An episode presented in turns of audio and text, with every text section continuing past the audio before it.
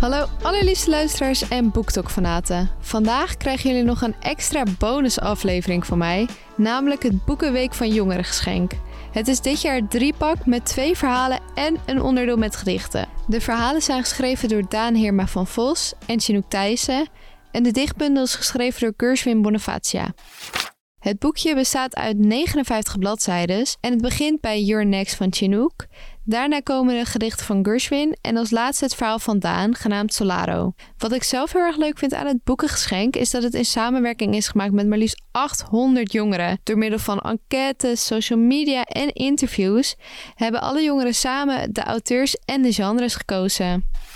Het boek Solaro begint met de hoofdpersoon die op Schiphol aan het rondlopen is, onderweg naar een ontmoeting met een oude vriend. Maar het gaat al heel snel over in een flashback van hoe hij die vriend heeft ontmoet en leren kennen. Zo vertelt de auteur over de eerste ontmoeting in Bloemendaal en hoe de hoofdpersoon wordt uitgenodigd om naar de vriend te gaan in Londen.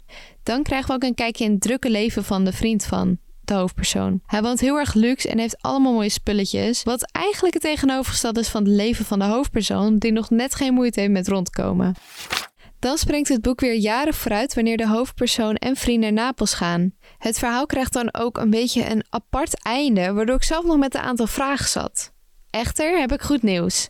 Deze vraag kan ik namelijk stellen aan de auteur zelf. Als jullie het boek nog niet hebben gelezen, luister dan later verder, want we gaan het ook over het einde van het boek hebben. Hierbij dus de allereerste gast ooit in de podcast, Daan Heerma van Vos. Ja, bedankt voor de uitnodiging. Waarom wilde je voor jongeren dit verhaal schrijven? Ja, ik heb niet heel erg nagedacht over, uh, over de doelgroep. Uh, ik werd gevraagd om een verhaal te, verhaal te schrijven voor driepak. En dat vond ik heel leuk.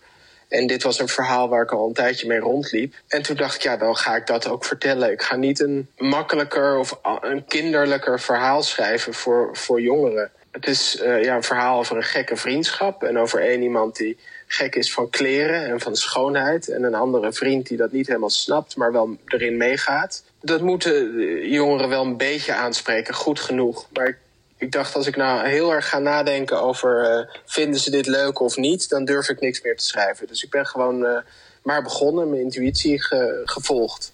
Waarom heb je ervoor gekozen om steeds heen en weer te gaan met de tijdlijn? Zo gaat het eerst over het heden, dan over het verleden en dan weer terug naar het heden. Maak je die keuze bewust of gaat het automatisch tijdens het schrijven?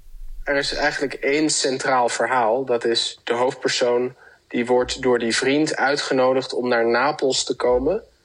Uh, waar hij het allermooiste, het ultieme pak heeft gevonden, die vriend. Dus dat is eigenlijk gewoon het verhaal. Uh, maar om uit te leggen waarom dat ertoe doet, moet je af en toe terugblikken. Dus het, is, ja, het centrale verhaal is vrij simpel. En dan ga je steeds even terug in de tijd om, ja, om te laten zien waarom dat pak zo belangrijk is, waar het voor staat. Wat ik wel leuk vond aan het boek is dat de Heilige Graal steeds terugkwam uit de eerste flashback. Zo zie je hem aan het begin, eh, je leest erover aan het midden en ook aan het einde. Heb je dat bewust gedaan of kwam het ook eigenlijk gewoon tijdens het schrijven? Nee, dat is wel bewust. Die, die vriend die is eigenlijk vanaf, het, vanaf dag één op zoek naar naar de heilige graal, naar het, het aller, allermooiste. Alleen weet hij steeds eigenlijk niet wat dat is. Het verandert steeds. Eerst denkt hij, uh, het is dat pak. Dan denkt hij, het is die stropdas. En uiteindelijk vindt hij, vindt hij dan, het is het pak van het allermooiste wol dat er is. Namelijk Solaro wol, een gouden pak. Dus dat is, nee, dat moet steeds terugkomen. Want dat is de zoektocht die hem gaande houdt. Daar leeft hij eigenlijk voor, die vriend. Werkt ergens bij een stomme bank in Londen uh, verdient heel veel geld met werk dat hij niet interessant vindt. Dus hij heeft iets nodig dat hem de dagen doorhelpt. En dat is die droom van die heilige graal. Waarom heb je ervoor gekozen om het boek met een open einde af te ronden? Met een beetje, ja, een beetje een gekkig einde. Nou, je weet niet wat er eind, hoe het einde is. Hè? Die vriend kan ook gewoon nog steeds in dat pashokje staan. De, de ik-persoon gaat niet kijken. Hij denkt dat die vriend is weggegaan of is verdwenen omdat hij de heilige graal heeft gevonden. Maar je weet het niet zeker. Dus het kan, ja, het, het, kan allerlei, het kan allerlei dingen betekenen.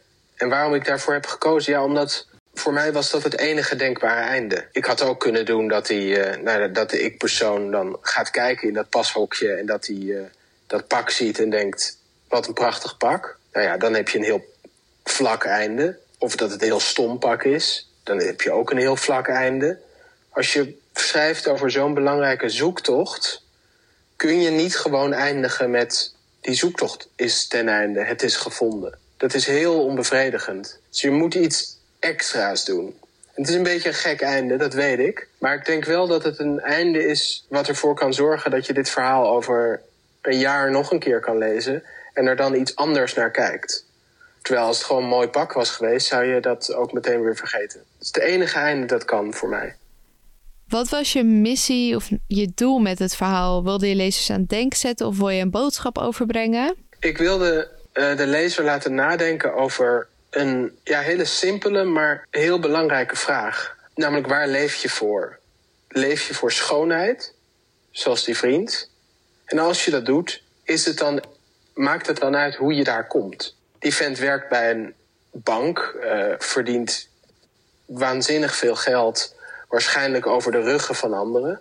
Dus het is niet een heel mooi of goed of nobel beroep. Maar zijn zoektocht is dat wel. Ja, de vraag is eigenlijk: heiligt het doel de middelen? En dat is een hele grote vraag. En daar wilde ik ja, de lezer over na laten denken in gewoon een leuk, ja, leuk verhaal natuurlijk. Een, een, een goed verhaal dat doet je nadenken over deze dingen zonder dat je dat echt doorhebt. Want dan is het gewoon, ja, dan is het saai. Ben jij zelf ook op zoek naar die heilige graal? Goeie vraag, ja, denk het wel, ja. Voor mij is die heilige graal het perfecte boek. De perfecte roman schrijven, dat is de heilige graal.